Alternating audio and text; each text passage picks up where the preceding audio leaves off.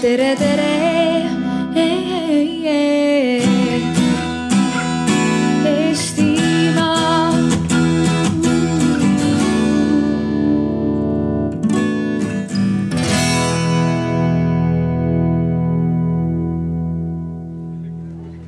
Okay, good afternoon, everyone. I'm happy to see all of you here to talk about economic models.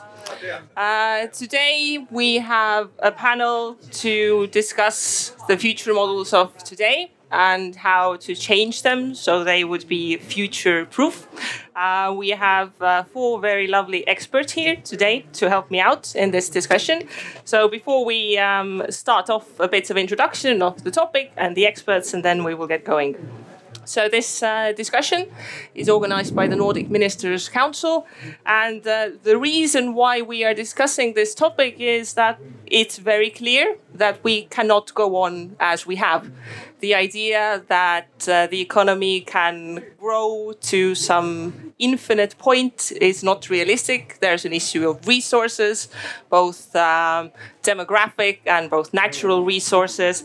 So we will try to figure out how to build a better and more equal model for everyone. And to help me out for this discussion, we have four experts. So, quickly to introduce you on what it is that you do on a daily basis. So, starting from uh, that end, Christina, you're the head of Responsible Business Forum. So, what is it that you do on a daily basis? Uh, hello, everyone. Uh, basically, uh, we are a network of businesses uh, which I'm guiding, and then our main aim is to create an environment uh, where businesses can actually discuss what responsible business means. Uh, bec- because responsibility as ethics is uh, all the time developing topic. It's not fixed. It's it, it consists of, of many things. And uh, through organizing events and Responsible Business Index, we uh, we create tools and opportunities for companies to participate. Hmm? So our next expert is uh, from uh, Finland. Mika, you're an economist and a futurist. So what does a futurist do on a daily basis? Well, on the da- data or daily, I'm I'm nowadays working on social media, how people are sort of seeing the world. But but the reason probably I am here, I, I wrote some 20 years ago an article which was sustainable consumption. So consumption studies is is my my main main area nowadays. Hmm? Uh, Tea, you're the head of Foresight Center at Riigikogu. So what does the Foresight Center do? Uh, good afternoon. The Foresight Center is also looking into the future. Uh, we do have a Foresight Act in Estonia. Perhaps not all of you are familiar to that fact. And uh, the Foresight Act says that the Foresight Center is to uh, develop scenarios uh, looking um, five to 15 years into the future at least. They can be of longer perspective, but uh, at least. And we are located uh, uh, next to the parliament.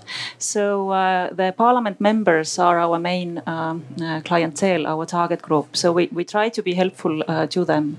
Hmm? And uh, Mikael, who is sitting next to me, is from Sweden, and you're uh, a researcher at the Swedish Environment Research Center. So, on a daily basis, what do you do? Yeah, well, I'm also an economist, and uh, some of the things I'm doing is, uh, for example, I have been involved in a project called Beyond GDP Growth, where we developed a number of scenarios for 2050. It was Swedish, the how the Swedish society could develop without growth, what would happen without growth. So I'm actually very interested in the economic system and how it could be organized differently. Hmm? So we will try to go through three parts in this discussion. Firstly, to understand how we came to this problem, where we are right now, and what were the issues and what should we be worried about. And to end on a positive note, we will also try to solve this problem. Let's see how uh, well we do. Um, so firstly, to kind of define the problem, um, Mika, can you help us out? What is the problem with the current economic model? I, I, I think for quite a long time in European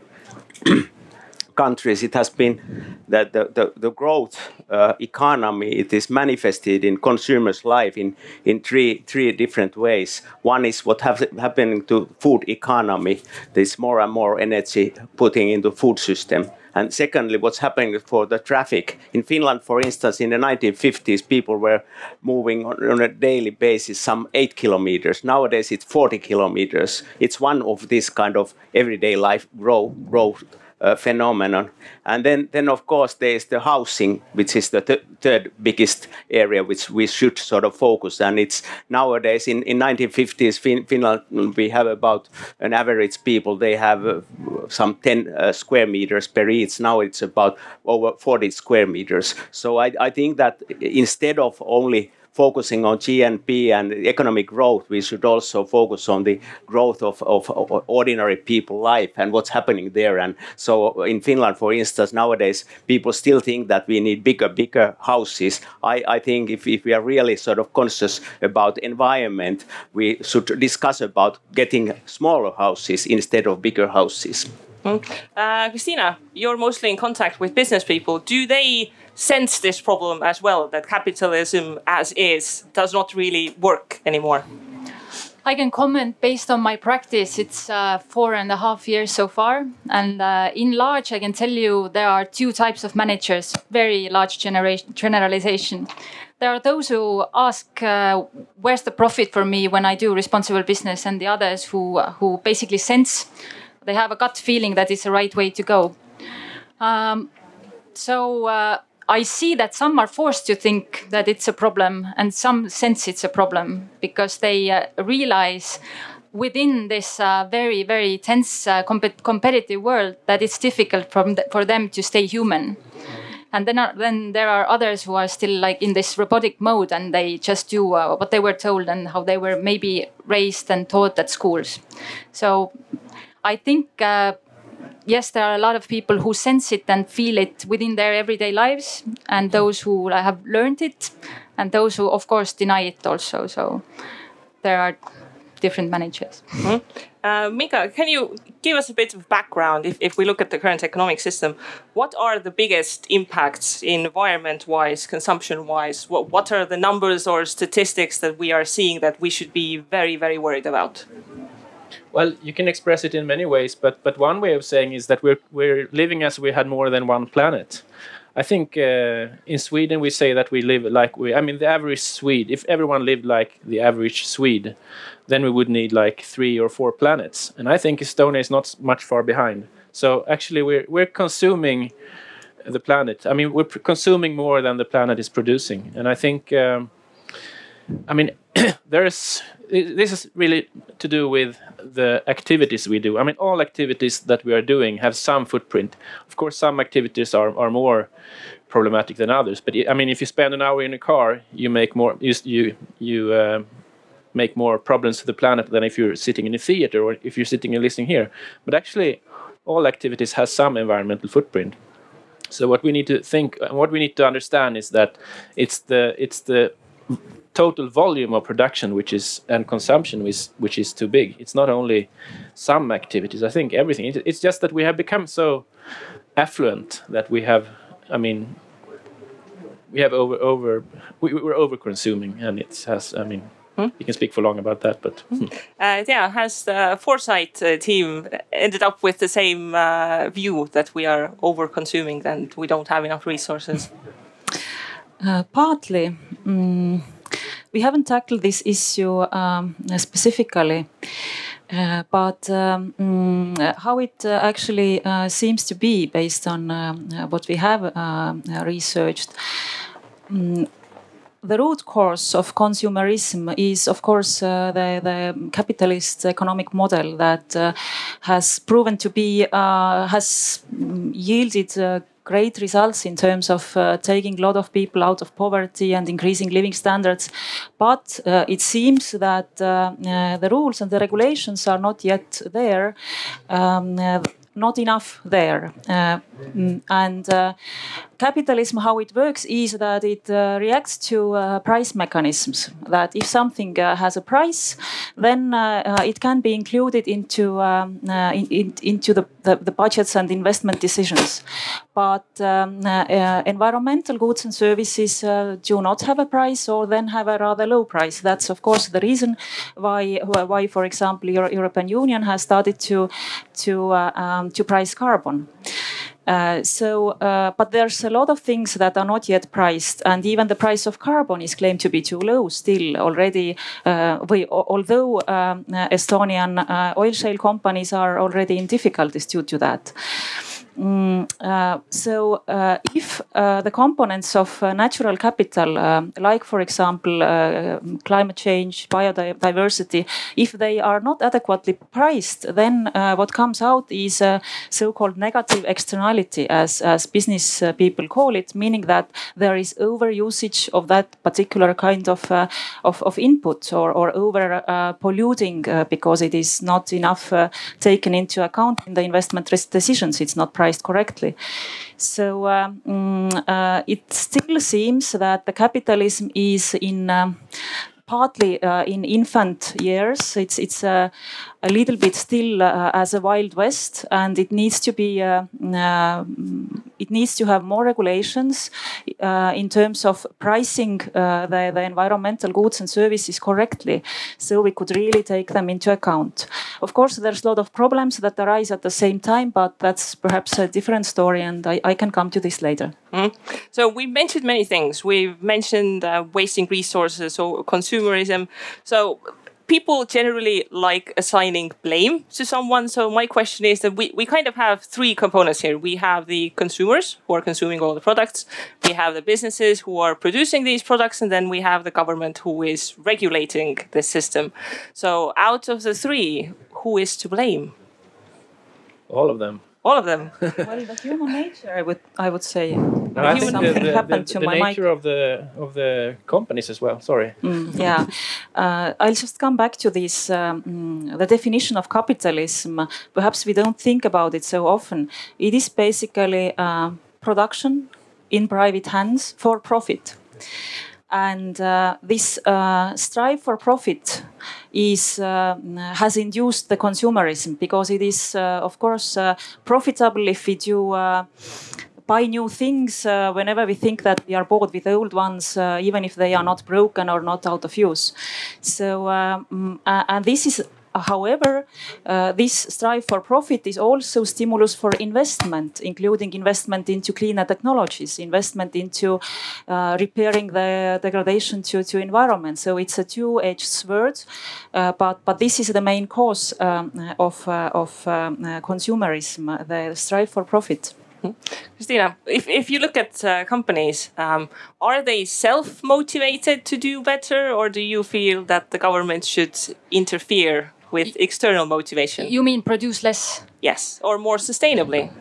Oh, okay, I, I start with the first question you asked. I think that nobody's to blame because we as a society, we have supported this kind of uh, way of behavior for years, decades. So we have grown in the society where we got uh, rewarded for uh, doing quantity in business maybe not so much much quality. We have to look at the past and take it into consideration, and therefore we have to start solving the problems if we consider them to be problems from the viewpoint we have right now. We have these corporations, we have this kind of society, we have rewarded that. So what will we reform from now on? Uh, and, and what should we redefine? What's the quality of life? Uh, does every one of us uh, know what the quality is for you? And, and what you are buying uh, tomorrow and today. Uh, so I think that every business leader is actually a human being thinking the same way. I was rewarded for years for growing this corporation. Who's to blame? Uh, you are buying from me. Who's to blame? So it, it's basically a collective decision if we want a big shift. It's not one sector uh, because it's all people who are working and managing these companies. So we, we basically actually would, would go back to education system where we learn to cooperate and learn to see common values. Not everyone for themselves, but how to create so that everyone wins. And there are examples uh, uh, for, from, from young entrepreneurs like uh, uh Resources, who uh, which was uh, brought to life by Ann Runnel. Um, I wrote it down actually that uh, she has built a, a, platform which brings together brands, suppliers, traders, and recyclers uh, to make uh, decisions that that is a win-win for everyone. So teach corporation managed, managers to think this way that's a task for you to think how possible is it if they're already grown up and they have fixed uh, ways of thinking based on where they've grown. So I don't think they're to blame. I think uh, it's for us to take a challenge and see if they can can, can be convinced and educated to think behalf of the collective, not only for themselves. Hmm? Mika.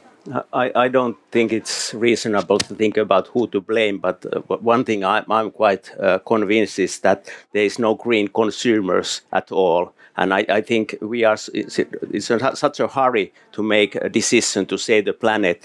Consumers are changing their habits very, very slowly. And these radical changes which would be needed if, if the planet should be saved, this, for instance, uh, decreasing the quality of hygienic, uh, going to shower only once a week or or, or giving up cars or, or these are so radical things that, that at least in Finland there is no nobody, maybe some few people who are making these radical changes. I, I believe more about in regulation and price mechanism. Okay, but let's check with the audience. The first question: Would you be willing to completely give up traveling by car? Raise your hand if there is public transportation, yes. You don't have to walk from Paide to Tallinn. We came by bus. You came by bus, okay? Mm-hmm. the second question Would you be willing to only shower once a week to save the planet? okay, a few hands here. Uh, but yeah, Mika, my question for you was going to be: Do you see consumers changing their behavior? Because right now we have uh, we have many kind of these ideas. The concept of circular economy. We have uh, uh recycling as a priority. Um, is are those just buzzwords, or are those actually happening and and influencing our footprint? I, think consumers can change their behavior if it's, if it's very convenient, very easy to find alternative traffic systems, for instance but otherwise, no. And in Finland, those who say they are green consumers who vote for Green Party, they are typically those people who are using most energy. They are living in the city and they typically have cars and all these things. So, so in Finland, we do not have these green consumers, but maybe in Sweden, the thing is different. Oh, okay, so first in Sweden, then Estonia. do you have green consumers? No, we don't. And I, I think the, the problem is that, I mean, if you have money, you spend them. You can you can say that okay, I'm not going to spend it on something, but then you're going to spend it on something else, and in the end, it will the, the money will circulate and it will end up destroying the planet. So I think we need some kind of regulation for for ha us having less money. I mean, those. I mean, I think they're called it, It's very unequally distributed. So I'm not saying that everyone should have less, but you know, you, you understand what I mean. We, are as a, as a, as a society, we're too affluent. Hmm? Okay. Yeah, I, will give my turn yeah. to Kaupo. He wants to. Okay. Okay. There's a question for uh, Yeah. Uh, could, could you have microphone? Uh, could you send the microphone, please? Uh, man named uh, Pentti Linkola uh, constructed uh, in 19, uh, I think it was 1989, uh, special way for Finland to to make it uh, possible to, to live forever. and uh, what do you think about it? He, he, it, it, it is unrealistic. Uh, very unrealistic when uh, he's getting sick, he going to hospitals. Uh, he's now could be go just by himself fishing, but still his background, he's in educated in Finnish school systems, all these things. I, I really think it's very unrealistic nowadays to have, but that's true. He is the one guy in Finland who is known being a green, really green, but he's also his many ideas are, are very fascistic ideas about killing people because world is there's too many people, and so I, I don't like his uh, his kind of way of argumentation. Yeah, he's gone too far. Yeah. okay, okay uh, I wanted Estonia. to add to uh, to this uh, mm, uh, that whether it's uh, only the convenience that triggers us to consume that much. I doubt it. I would add that as long as consuming a high rate of consumption is uh, is uh, mm, a sign of status, of social status, uh, as long nothing changes. So uh, we need to somehow um, mm, break the connection between high social status and uh, and high rate and high level of consumption. So to be satisfied with less should not be a shameful thing but an honorable thing. I don't know how to get there, but it's a, it's a question. Uh, perhaps some more research should be done in that issue. But there's, of course, uh, mm, uh, a small hope on the horizon as well, because it seems to be that the younger generations, so the ones who are um, teenagers today, uh, they um, seem to be more climate minded, more environment minded, and less obsessed uh, obsessed with owning things. So one of the okay, we'll come to the solutions probably later, but um, quite many youngsters they don't need to uh, own a car, but uh, if they want to um, experience a ride, so they they uh, call a taxi or a ride sharers. Um, so and, and in different uh, fields of life, actually, in order to get uh, the consuming experience, you don't have, have to own the thing anymore. And if you get to this point, it changes a lot of uh, economic models and a lot of uh, implications uh, to the use of materials, resources, and, and to the pollution as well. Hmm. Uh, Mikael, when you, when you look at the regular person's consumption, what are the things that actually leave the biggest footprint? Because quite often we're focused on small things like are we using plastic straws or, or how are the items that we are consuming uh, packaged? But I read a statistic that you can be as green as you want, but if you take one flight to your warm destination holiday a year, that cancels it out absolutely. Yeah, that's true. I mean, uh, usually i mean that that's the perfect example. If you if you take a flight then you spoil everything else. I mean it's if you but but also meat consumption if we talk about climate but i think i mean yeah those are the mean transports i think the ones that mika uh, mentioned is the most important but i think actually we should count everything. But but of course you, you couldn't just like okay I, I bought some eco labeled product now i can go to thailand without a problem. Of course you cannot trade it like, like that Okay, but the idea of drastically reducing consumption, where should this idea come from because there's the concept of minimalism that is becoming more and more popular. But one of the critiques of minimalism is that you have to be quite wealthy to be able to afford minimalism because you don't buy things, but then you rent them. But for you to rent them, someone constantly has to have them on offer. So, do we actually have a model that we could scale right now, or do we need a completely different model? Can we fix capitalism by these small steps of uh, consuming less and regulating more, or is there a completely new model that we don't know yet that we have to figure out how to get it to work? Uh, I think it's hard to speak about one model that we have. I mean, it's not like we have one constructed model which is called capitalism, which has certain rules that everyone follows. It's it's more like a, a mixture of many different practices. So what we have is the sum of, of practices. But of course, there are some systematic things about capitalism. It's very hard to start to say where to begin to change it, but but I think we, we need to be aware. I think, for example, all the all the techno fixes, you can just believe in new technology is going to save everything. That you don't have to change your lifestyle because the new technology will solve everything, or the, the circular economy will solve everything, or sharing economy will solve everything. I mean, those are all different things that are promising us that we do not need to change our lifestyles because someone else is going to do it, some new system is going to do it. But I think we all need to realize that all of us need to change. We cannot go on like we do, even if we invent circular economy, even if we, we invent new technologies. We, we need to limit ourselves in some way. And once we realize that, I think everyone is, has to be an actor. We cannot just point at, oh, those companies need to change or those politicians need to do something. We all need to engage in this. I think it's the only way. Mm. Listen, when talking about companies, are they more just going slow, step by step changes, or do you see that the company representatives are like let's radically change the way we sell, the way we produce things, or is it more of a slow process? Well, it's very different. Uh, I know one Estonian company uh, who said it's been 20 year journey but uh, once the, the guy started the company couldn't do it any other way so he decided whether it will take a long time, it doesn't matter. And then for others, when they innovate suddenly, uh, they can go very fast. And, and others, they can just go on uh, for years, like talking to people, can you give me ideas? Um, and I've seen, wanted to add one, one thing to this other question as well. I, I have many friends who have, uh, during their life, turned to a natural lifestyle uh, just changed their lives, uh, and and also managers who have changed their own personal lives. And then one of the first things they start thinking, okay, uh, where should I put my children to school? and they start considering maybe Waldorf schools or where is this environment where my child can grow to cooperate and, and, and build based on natural life uh, and that's why I wanted to comment that maybe education system is still where we should look because mm -hmm. there we grow up and we, we learn what natural life is and what consumption is.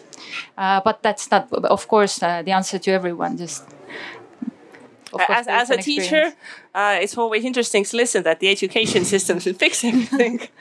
um, but before we get to practical solutions, so to kind of set the marker, if we continue as we are going, what is this worst possible scenario? Where will we end up? What what will be the issue? Will we end up with wars? Will we end up with a ruined planet? What what is the destination we are heading towards right now? Uh, Mika, how about you? Uh, I, I think that rich countries will survive anyway. I, I think, for instance, Estonia, we have been traveling here uh, for a few days and you have a lot of forest here, a lot of space, and the weather is almost always nice.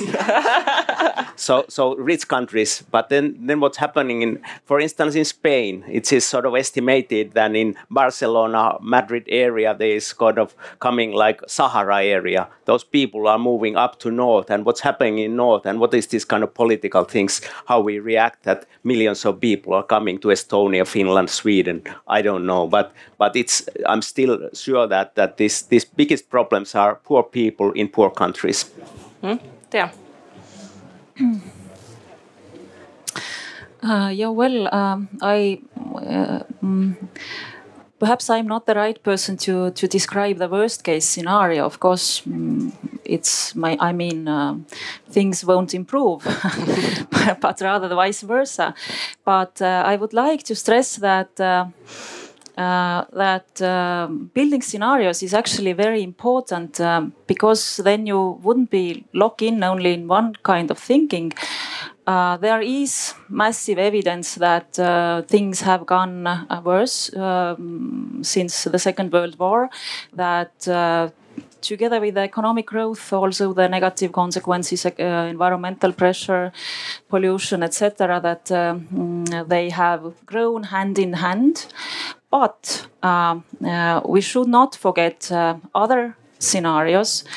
And uh, for example, for OECD countries, there is evidence that the decoupling is, is happening. So, what do I mean by that? It means that uh, the economic growth and the environmental pressure don't grow hand in hand anymore. So, that of course the pressure grows too, the greenhouse gases, for example, but at a much slower pace than the GDP. So, in rich countries, um, uh, in industrial countries, actually the, the decoupling is happening um, silently and slowly, but still. But of course, uh, the emerging countries, uh, the, the still low income countries, well, if we are talking about reducing consumptions, consumption, there are about uh, three to four billion people who haven't started to consume at all uh, in our terms, in our terms of thinking. And one billion among them living in extreme poverty. So if we were uh, previously uh, searching for whom to blame in the in the uh, current situation, where have we come, uh, where have we come? Then one of the um, one of the guilty ones probably is uh, poverty if people are very poor, so they struggle to survive and they don't really care um, about uh, pollution, about uh, the um, well good stance of of of, uh, of, nature around them. So they really try to find something to eat this um, uh, this night. And mm, as long as there is extreme poverty, and uh, it is, it comes uh, um, hand in hand with um, corruption and the administrations selling off the natural resources at very low prices. As long as we do have this situation, uh, we cannot uh, claim them to reduce uh, their consumption. That would be absurd. So there is still the growth is needed to help these very poor countries, very poorly living people out of the misery, and then we can start to to um, to think to think and talk about um, reducing consumption globally. As long as this hasn't happened, this reduction in consumption can only um, be about uh, about us, the rich countries, the OECD countries, the industrial countries. And uh, if we do the calculus about the impacts uh, um, on on environment, on economy, if we do take into account this subset of of uh, of people who um, uh, who still want to consume, who need to consume to to improve um, their living standards to a normal level. So we have to take this into account, and the calculus then looks a little bit different. Uh, Mikael, you mentioned when we were talking before that you ran scenarios for a, a no growth economic model. Mm-hmm. Uh, well, first, could you explain a bit what, what, it looks like and what was the reception for uh, such models?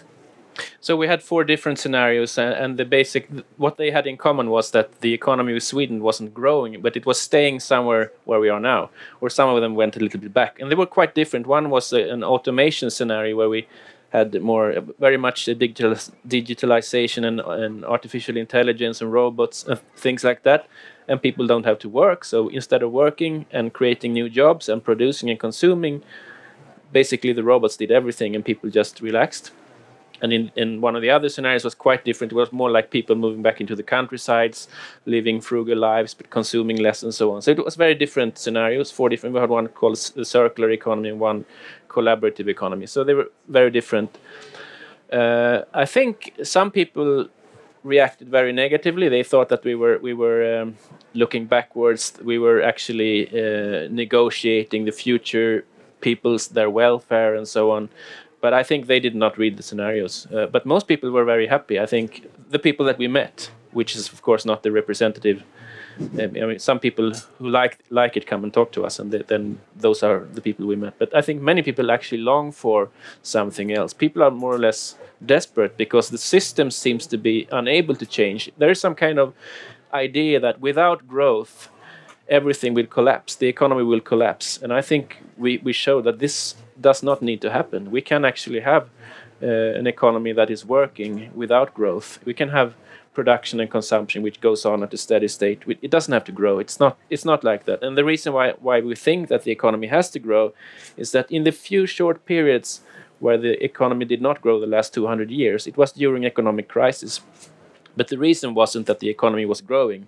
The reason was that there was something else wrong in the economy. People were going to debt. There were different problems in the economy which made uh, financial crisis and debt crisis and then afterwards it also had a result on growth. But the lack of growth wasn't the reason for the problems. It was the other way around i think. Mm -hmm. so i think if in the long term it's it's not a problem to have an economy that doesn't grow Mm-hmm. But may I ask, uh, uh, does it uh, assume a stable population, no, no growth? Uh, it, yeah, I mean that it, basically it was a per capita mm -hmm. calculation. So, so we had a, we had a population scenario where the Swedish population would increase a little bit because we assumed some migration, but not so much. But and mm-hmm. also reducing working hours. Uh, in in two of the scenarios, the the or yeah, but mm. in in some of the scenarios we still kept working. Okay. Mm -hmm.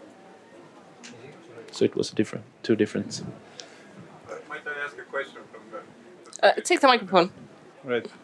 Uh, my name is Hans. I'm a publisher. I'd like to to to ask a question from you. Um, uh, do you have polit political representation in uh, in Sweden to those ideas? Uh, reminds me very very very much of what I've heard at the Vänsterpartiet meetings. So it's it's not uh, uncommon in Sweden to to hear those ideas about not less money in the economy, less circulation, some more pressure to the banks. But those those are communist ideas. We, we don't have a, a we, we miss a left left wing uh, uh, party in this country here. Mm -hmm. We we do have a right wingers. We don't have left wing, but you have. Does it sound sound a bell with them? Uh, I mean, we have a left wing party and we have a green party, but I think most of them find it quite inconvenient to speak about these things. They want they don't want to say, say to the voters that they should, but there are a few parliamentarists uh, saying those things. So I mean, the ideas are are are there in, in, in those two parties, and actually a few people in the in the Social Democratic Party as well. Okay, two questions. Once you and then send the microphone back. Uh, I'd like to say a comment. Uh, uh, it's about uh, this uh, possibility to to minimize or, or make uh, less the consumption uh, level. Uh, there is one biophysical basic law. It, it calls maximum power, maximum energy principle, and in, in, basics it, it is if you if you if you look at uh, mm, uh, Darwinism, it means that uh, this living thing who gets more from environment and uh, lets from other side more uh, to environment will win uh, competition. And this is thing what is very difficult to to get out from from any living thing uh, and uh, from uh, man. And and the second second thing is uh, only this period of very fast economic growth had uh, made possible to us to avoid uh, wars. It seems like this. So uh, maybe the solution is big war. How do you explain it for Estonian uh, government? Or, Uh, well, I, I wouldn't advocate for a war, but it seems to me as well that growth is uh, similar to oil shale. Uh, to Estonians, oil shale is a very known phenomenon. It's similar to oil shale. We can't live with it, and we can't live without it. So it's it's a paradox, or, or it's a blessing and a doom at the same time. So um, to that point, yes, I I, I, I agree with you. Uh, and uh, I have the same mixed feelings about uh, these no growth uh, ideas. Uh, and uh, I've seen a simulation done in Canadian government. And they did a little bit like you were talking about, but in in quantitative terms. they took a, a big governmental fiscal model full of, of, fiscal data and, and data about economy, growth, employment, um, poverty, things like that. And they tried to find such combination um, uh, that uh, growth would be low, uh, leveling out uh, uh, in some years uh, totally, but at the same time to have low unemployment, to have low poverty, to have decent fiscal revenues. Uh, and uh, low uh, greenhouse gas emis emissions. And they did find actually such a combination, such a sim simulation. It came out of this um, computer full of accurate real time, not, not, not real time, but, but um, recent data. And um, but uh, the but is that they did have uh, quite a set of assumptions uh, to arrive at this um, very good kind of promising outlook. first was that um, the consumption shifted. Of course, it was decreased, and, and it also shifted to public goods, including environment. so it uh, there were there was more consumption of services than of physical goods. And renting, not owning, was one of the principles. Uh, reuse, of course, so it also um, implies that the, the, things have to be uh, made and built to long last. Uh, sharing, different kind of forms of sharing of, of, uh, of physical goods. Uh, and uh, investment in this model shifted into clean techs. Um, and uh, of course, pricing of the externalities, pricing of the pollution, pricing of the um, uh, of the greenhouse gases, and other damaging uh, social and env environmental effects uh, and they also say that um, in order to invest, at least in, in order to invest public money into something, you need to assess uh, the potential social and env environmental consequences uh, uh in the first place. And, and without this, uh, you can't get the approval for funding and uh, employment shifted into services. Working hours were reduced, uh, and uh, the reasoning was that well-being enhanced more by extra leisure time than by extra income. Of course, it might be valid for, for Canada, a rich country like Canada. And what else? And population was held constant. So they was uh, the the model in order in order to uh, produce the the good outlook, uh, it uh, um, uh, required limiting immigration. So to keep the population constant under these circumstances that I just uh, mm, named, it was possible to achieve um, a no growth or a very low or no growth, and then without the raise without raising unemployment and and drastically increased uh, poverty rate. Okay, we have a question. The back. Yes, hello. Um, thank you for being here today. It's rare that we come across such a skilled and well informed uh, panel. Um, I had a question. The, the premise for you being here today is that never ending growth seems unrealistic. Uh, yet we do have nations and private entities who are ramping up uh, the space race again. We're seeing China, India, and American entities who want to terraform Mars. There's talks about putting a, a permanent moon base up there. Uh, have you considered that nations who do not partake in this space race, who willingly put themselves in the in the back seat of forming humanity, will have a very poor negotiation position if these nations were to succeed with ever ever uh, continuing growth? Hmm? Very good question. If we run out of resources on this planet, should we take the next? I think that's completely unrealistic. I mean, I think we need resources to go there. We need energy, energy to go there. So, uh, I think it's very essential in in kind of political. Uh, thinking politically that there's kind of fair taxing. The, the, in Finland, for instance, Finnish political politics is sort of polarized. There's actually in future there's only two parties: this conservative true Finns who are opposing all these kind of environmental things, and then Green Party. These are the only parties now growing in Finland, and and so there's no more this kind of left-right. But I, I think that that we need to understand those people who are voting for these true Finns. They are typically living in a countryside. They really need cars. So I think that that taxing should be sort of thinking in terms of uh, who who are taxed. Those should be taxed who who can afford, who can change their behavior. But living in a countryside in Finland, you cannot survive without car. So and and this explains why these true Finns have been so good because many people think that that their life is coming a sort of not possible at all, and and this is very very important to think what is the fair fairness in taxing. Mm -hmm. Uh, one idea for taxing that I've heard is to tax technology, robots, AI. That one of the solutions that gets offered out is that we uh, automatize everything. We have robots, AI that take over, and we tax that. Could that be a solution? We did that in one of our scenarios, just to say that. So. Uh did it work? in the scenario, it worked. but we were assuming that the robots were sustainable, and, and we don't know the technology, uh, how we can do that. I mean, yeah, we're just assuming that. Indeed, basically, it's uh, taxing the, the technology is related to taxing the robots is, is related to preserving jobs and and uh, um, mm, um, not letting uh, unemployment to grow uh, because of automation. So uh, it's it's a little bit different different story than uh, um, than improving the the um, environment.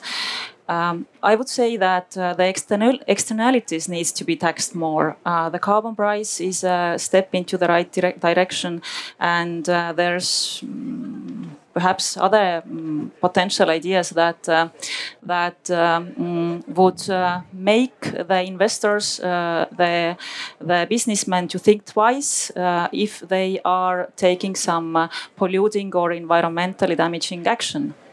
So the tax needs to be di directed into into these into these areas. But uh, uh, taxes and subsidies uh, indeed need to work hand in hand.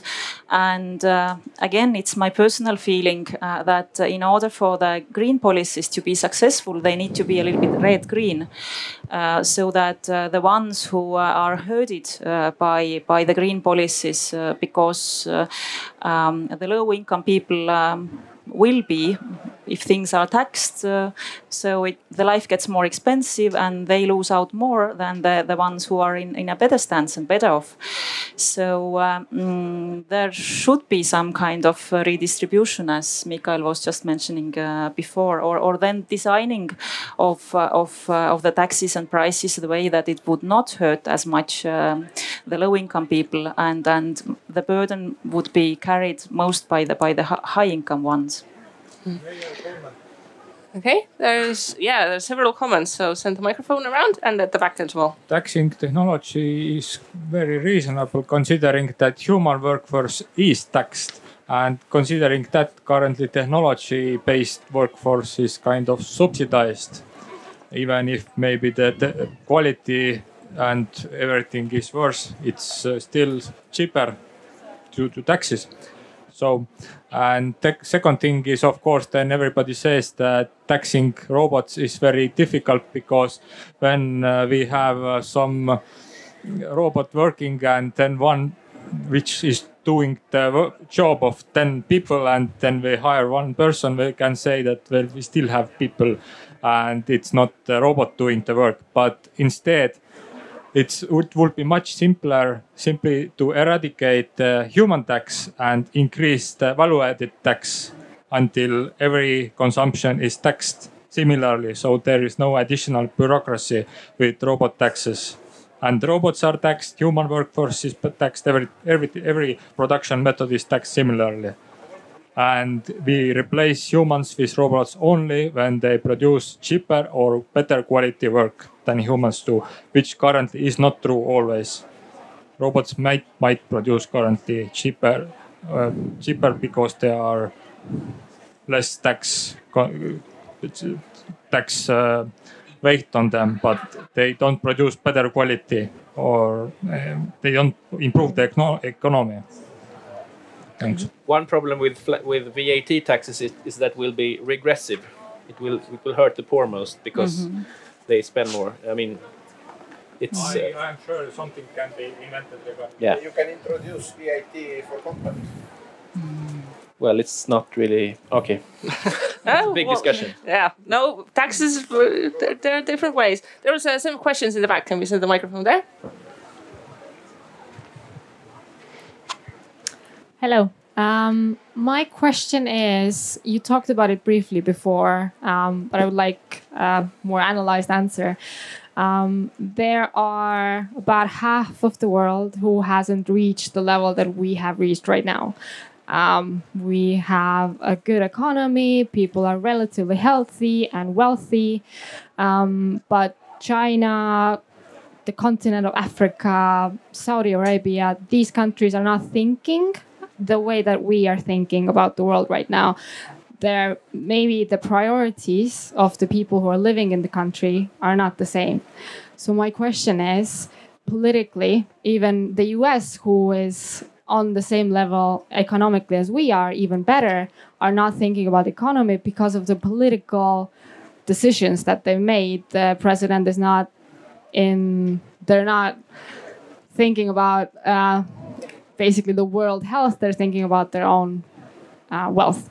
So, my question is what would it take for the rest of the world to follow lead? Because basically right now what we're talking about is Europe is thinking about the economy uh, the the world health and all the other countries are still thinking about their own development. So what would it take? New leaders. Can't do that Henry how do we get where do we get those new leaders again, I think, I mean, how do you change people's minds?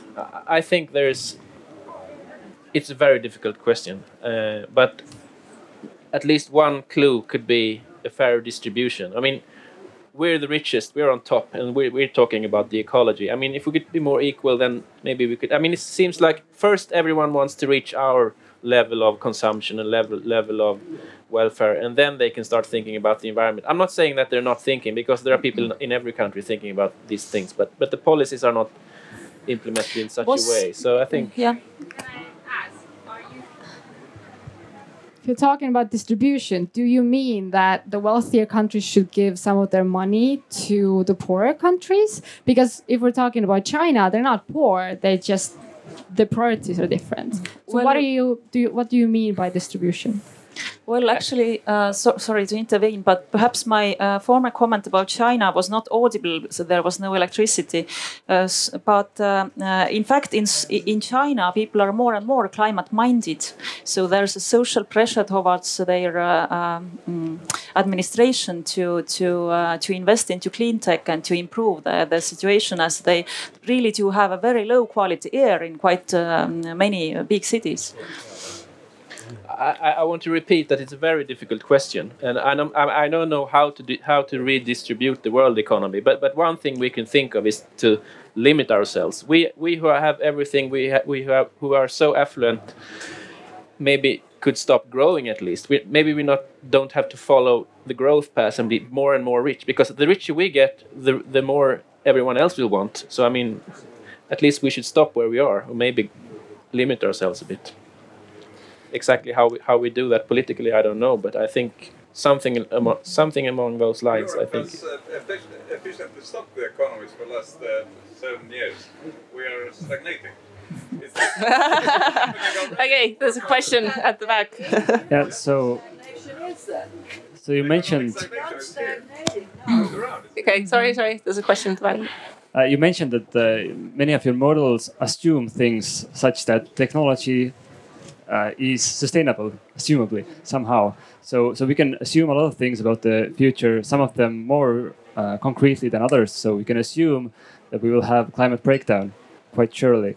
We can assume that uh, peak oil has already been passed, and um, uh, we can also assume uh, something third that I don't remember anymore. but the problem is that, that this climate breakdown will be this big war that was mentioned, uh, and now the question before was like. Which which survives, right? These low tech solutions that are very robust, or these high tech, super nanotech solutions that really depend on this whole system that is coming down. So we don't know. We will see. Uh, but I think the the good thing is that there should be a multiple options available. So not everyone should do this uh, space race. I think. I absolutely agree that it is uh, the matter uh, about uh, having a reasonable portfolio of different options. But there was another another question. Ah, okay.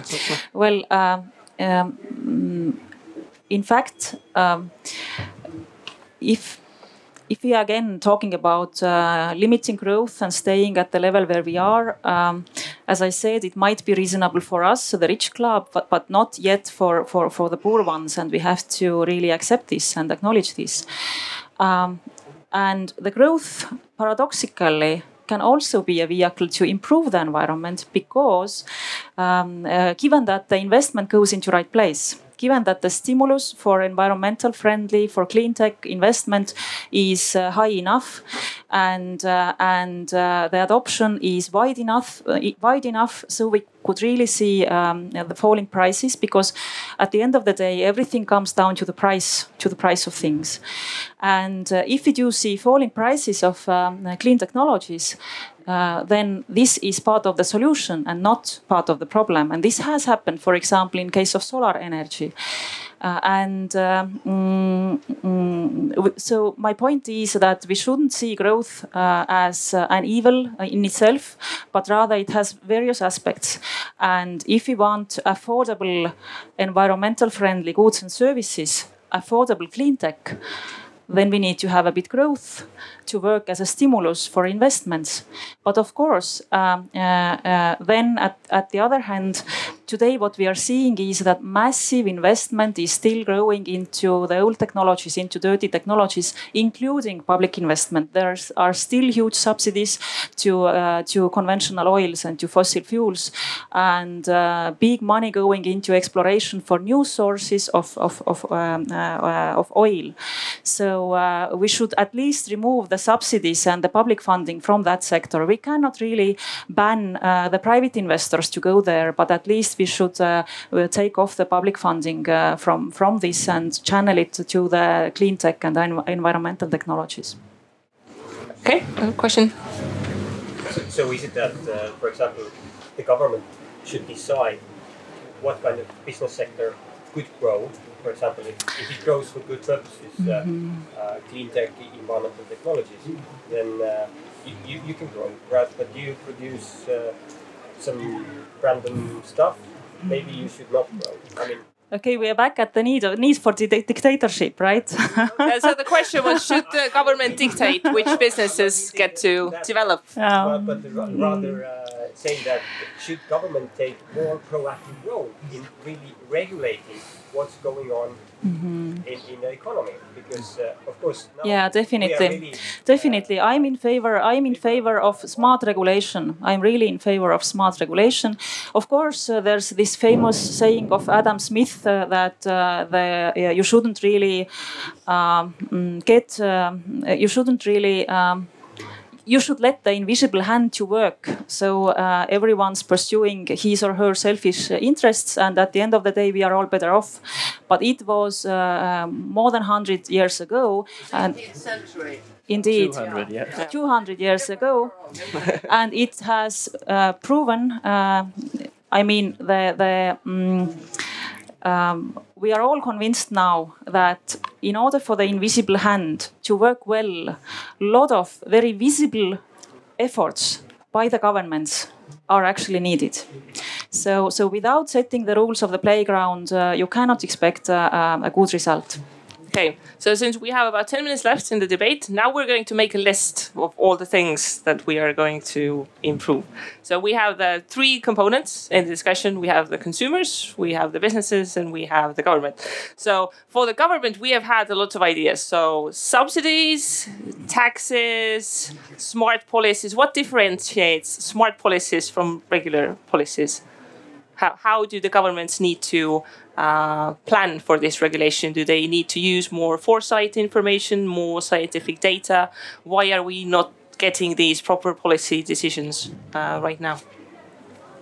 Uh, at least in Finland, we do not lack information or data or science. We lack uh, kind of willpower what to, to make, for instance, these subsidies, these stupid subsidies. I don't know whether it's stupid, but it's energy uh, uh, from energy point of view quite stupid it is in Finland when you're discussing concretely. For instance, Finnish state is putting 200 millions each year for this uh, uh, shipping companies who are, are making trips from Helsinki to Tallinn and from Helsinki to Stockholm, 200 millions just to support these shipping companies. And it's, uh, it's, it's, but it's, it has been very difficult to sort of, uh, in political discussion, to change these kind of things. I, I think we need more concrete cases, concrete discussion, more, less about this kind of generally, because generally we are all all quite in agreement. And, and this, these are concrete, concrete things, and there's no easy solution. And this kind of putting 200 billions, 200 millions for these shipping companies, it's so strange that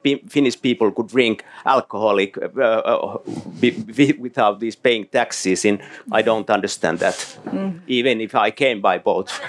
and I, I actually, I'm going to buy some wine.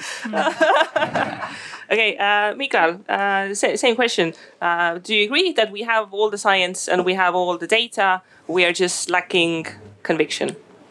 Yeah, more or less, I agree with that. Yeah, so I think. Uh, I, mean, what we don't really agree on, I think, maybe we do here more or less, but I think I think uh, people are too too optimistic uh, towards technology, towards techno fixes, and and so on, and and they don't want to see sufficiency. They don't want to see policies reducing consumption because they think it's not needed. I think we need to educate ourselves. There we don't have enough knowledge. I think it's completely unsustainable to keep growing our rates of consumption and production. Never mind if it's green consumption, green growth. We can't have it forever. We need to limit ourselves anyway. And that's, I think, is not. Not everyone agrees on that. Not everyone even understands it, and I think that's a problem. There, where, there we need to educate ourselves but but I mean, in many other areas, I think we know, but we need to act. Mm. Christian, would companies uh, welcome uh, more regulation and and more direction from no. the government? no, uh, but uh, I believe that was true that in Sweden, for instance, government uh, has reduced taxes for those companies who build their companies based on the idea of repairing something. So I, I, mm-hmm. I think yes. that this is a great way to go. That you you help these companies. In France, to, they have the same mm-hmm. to fly. And this is, I think, great. And the other thing is that uh, I've seen the development in Estonia regarding sustainable uh, issues and I find I still advocate of human factor in everything. Uh, I think it takes strong leadership and speaking out and a strong will, and you can change so many people around you. Uh, and and explaining, of course, what is systematic thinking and what sustainability actually is. This is very important point. Uh, I have had discussions with hundreds of people during these years, and you have no idea how many people actually don't get what sustainability is and, and they advocate it.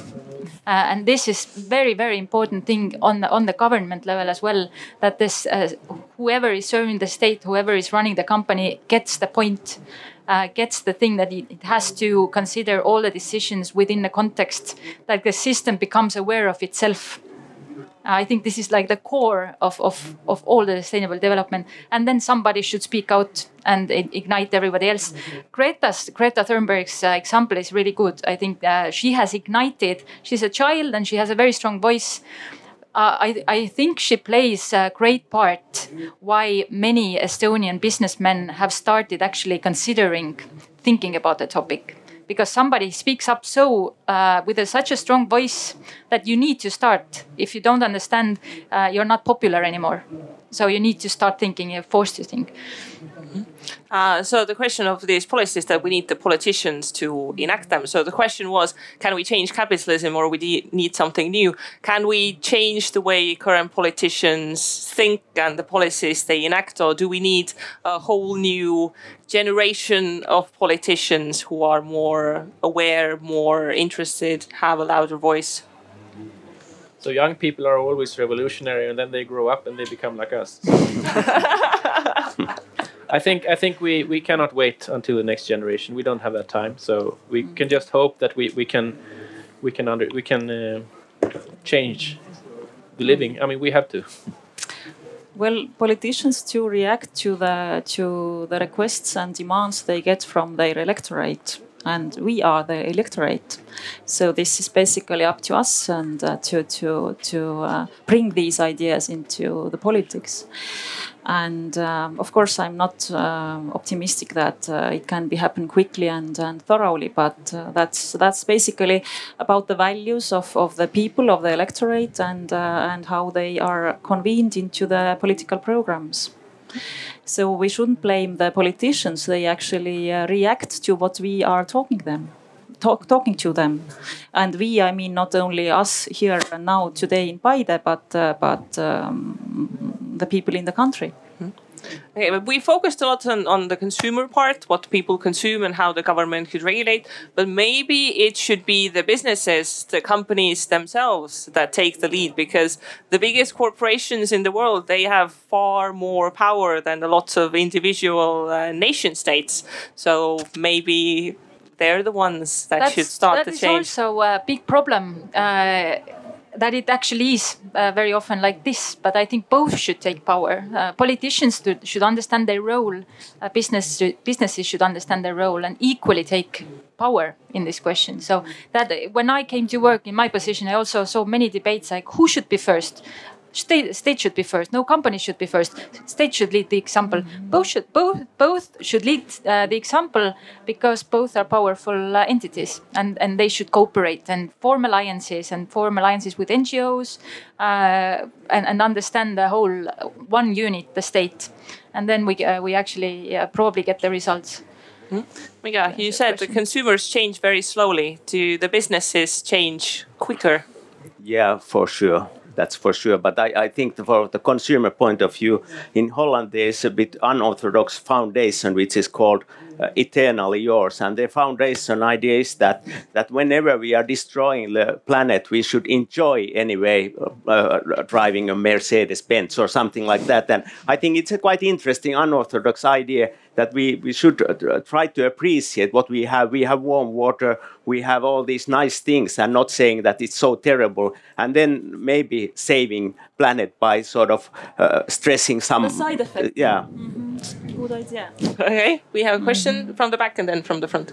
Um, so, thank you very much. Uh, I assume all of you think that our planet is in crisis at the moment and that we need to do something about it. Um, so if we look at oil companies or coal companies, they will tell you, no, there's no problem with oil, there's no problem with coal, don't worry. It's very concrete. Greta Thunberg, she's very concrete. She's saying we have to change everything or we're in a big trouble.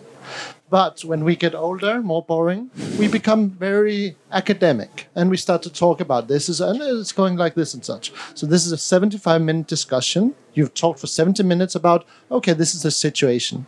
So I would ask you so there are a lot of things we can do concretely. We could tax palm oil, we could subsidize um, solar, we could uh, do something regulation wise with regards to companies. We could vote for the Greens. Who knows? Maybe they're not good. We could establish a new party. What concrete actions do you think that as private people or as companies or as countries that we need to do? So not academic, but what is like your suggestion? This is a good idea. Uh, Well, Okay, every there's an answer probably in the audience. My answer is that the next uh, discussion here will be on practical solutions. yes, next discussion will actually test the models and the yes, but there's a question at the back, and then we'll get to the front. Uh, yeah, hi. Uh, my name is Carl. I might have a one of the solutions. So everyone who's here, if you're the customer of Eesti Energia, go to the Eesti Energia webpage and click on the green energy uh, tick mark. So you'll be consuming green energy because right now it's about one to two percent of their clients that are consuming green energy. If we get it over 25 or 27, which is the green energy uh, production rate today, then they have to start building more, uh, more uh, I don't know windmills or solar panels. So that's one thing they can do today. If you go and see if you're a green energy consum- uh, consumer or not, if you click that button, that will make the day better, and we'll keep on saving the environment. Thanks. Okay, give the microphone to the front. Man in green. Uh, I would encourage about uh, value added added tax uh, once more. I thought about your comment and I uh, have two responses. First, I think that replacing, not increasing value added tax, but replacing human workforce with uh, tax with value added tax is not so regressive because human workforce will be val- valued higher. People will be re- uh, replaced by robots less often so they are they have more jobs they will get higher salaries and of course when people lose jobs or get low salaries then it affects poor people first. That's the first consideration. Second thing is of course that value added tax is the end consumer tax which means you can always measure who is doing the consumption. If it's poor person, we can reduce the value added tax for this particular person, or maybe we can uh, pay some of the expenses back by state, something like that, for example. Okay, so the very last round of questions for everyone. A moment for you to think. Um, ah, yes, I forgot the question. Uh, the microphone. Yeah, I'm sorry. I'm sorry. You're hiding behind me. Oh, sorry, that's the palm, I know, yes. Um, if we're talking, and I presume we are talking about the environmental crisis, we're talking about uh, limited resources worldwide, not only here. Here in Estonia, we don't have that problem of overpopulation. And I'm very interested, I'm probably one of the oldest in this tent today. Uh, I remember way back in 1960s, the whole question of world population that was known as uh, the population explosion. It, we cannot continue living like that. Here we are, f- half a century later, and still talking about it. Um, one of the in- it's an institutional problem. It's not so much it's economic too, but institutional. What concerns me is this relationship how in sociologically men and women um, and religious institutions how they teach what a role of woman is. And uh, when I think of some African countries where where uh, where a woman uh, uh, gives birth at an average of five in her lifetime, Seven. Seven. Well, it's got even bigger. Now multiply that every generation. It's it's not sustainable. And this is what we're talking about here in Estonia. We don't have that problem. That's not our government's problem. It's it's those institutions who teach this kind of philosophy. So the question, is. No question is, what are we going to do about it? Population explosion is a real serious problem. And so, how do we handle that with these very traditional institutions who don't want to hear about it? So it's we, we need probably to to handle it. But if you look at the environmental footprint of the ten percent richest pers- people, ten percent richest mm-hmm.